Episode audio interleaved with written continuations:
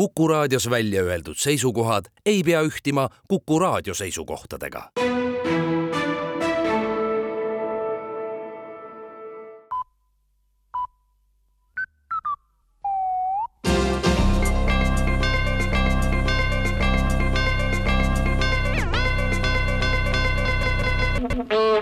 uudised on eetris ja stuudios Rohke Debelak Eesti Vabariigi Välisministeerium saatis täna hommikul Vene Föderatsiooni välisministeeriumile ametliku teadaande, milles soovitatakse hüpoteetilisegi Eesti iseseisvuse vastase sõjalise rünnaku mõtte juba eos maha matta põhjuseks on, et Eesti elanikud ei ole nõus taluma sõjategevusega kaasnevat müra ja muud häiritust, seda eriti mastaapses ulatuses. erinevad uuringud toovad välja, et paraku ei ole võimalik leida ühtegi omavalitsust ega ka laiemat või kitsamat piirkonda, mis oleks sellise segamisega nõus ning isegi pooletunniste perioodidega kahel-kolmel päeval kuus ei oldaks nõus. isegi harjutusväljak ei tule kõne alla, ammugi siis suuremas mõõtmes aktsioon. kasu ei ole ka meelehea ükskõik millises vormis ja mahus pakkumisest, ammugi infopäeva päevadest või muus vormis aruteludest Eesti Suurpoodide Liit on aga koostanud ühise tegevuskava lähemaks viieks aastaks ja see näeb ette lisaks praegustele veel kolmekümne kaubanduskeskuse ehitamist üldpinnaga kolmsada tuhat hektarit. energiahindade ohjeldamatu kasv ja hoogne hinnatõus kõikides eluvaldkondades on kaubanduskeskuste laienemiseks soodus, sest nagu näitab klientide käitumine, on võimalik Eestis juurutada täiesti uus kaubanduskeskuste toimimise printsiip. suurtes väiksemate linnade suurustes kaubanduskeskustes kulub inimese aeg märkamatult ja klient saab veeta veeta keskuses kogu oma vaba aja, mis teeb võimalikuks omakorda kodu kui sellise mahamüümise. kui veel ka eluase maha müüa, on kliendil piisavalt raha, et asuda elama kaubanduskeskusesse, kus kõik tooted ja teenused on käe-jala juures ja puudub vajadus neid kusagile kaugele vedada.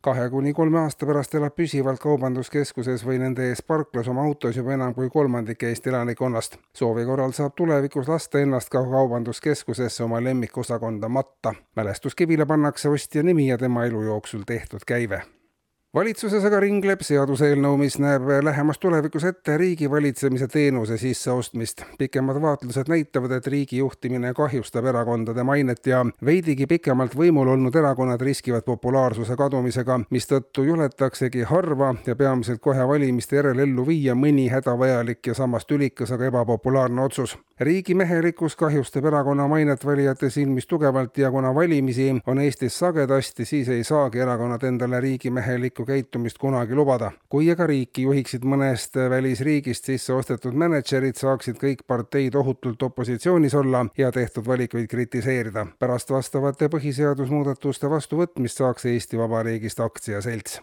ja valitsuse eilsel korralisel haridusealasel nõupidamisel leiti esialgsed lahendused õpetajate puuduse leevendamiseks. puudu on suurusjärgus kaks tuhat õpetajat, kuid varjatud reserve siiski probleemi lahendamiseks on. esialgu tehakse ettepanek lapsevanematele ise õpetajaametisse astuda. kõigepealt saavad ettepaneku need lapsevanemad, kes on sagedasti märku andnud, et nad on õpetajatest oluliselt targemad ja jagavad iga päev tungivaid soovitusi, esitavad nõudmisi, kuidas õpetaja oma tööd tegema peaks. teated koolidest annavad lootust, lootust, selliseid lapsevanemaid on kerge leida ja nende hulk on puuduolevast kahest tuhandest siiski oluliselt suurem. esmakordselt on nüüd nõudlikel lapsevanematel võimalus haridusse otseselt ise panustada.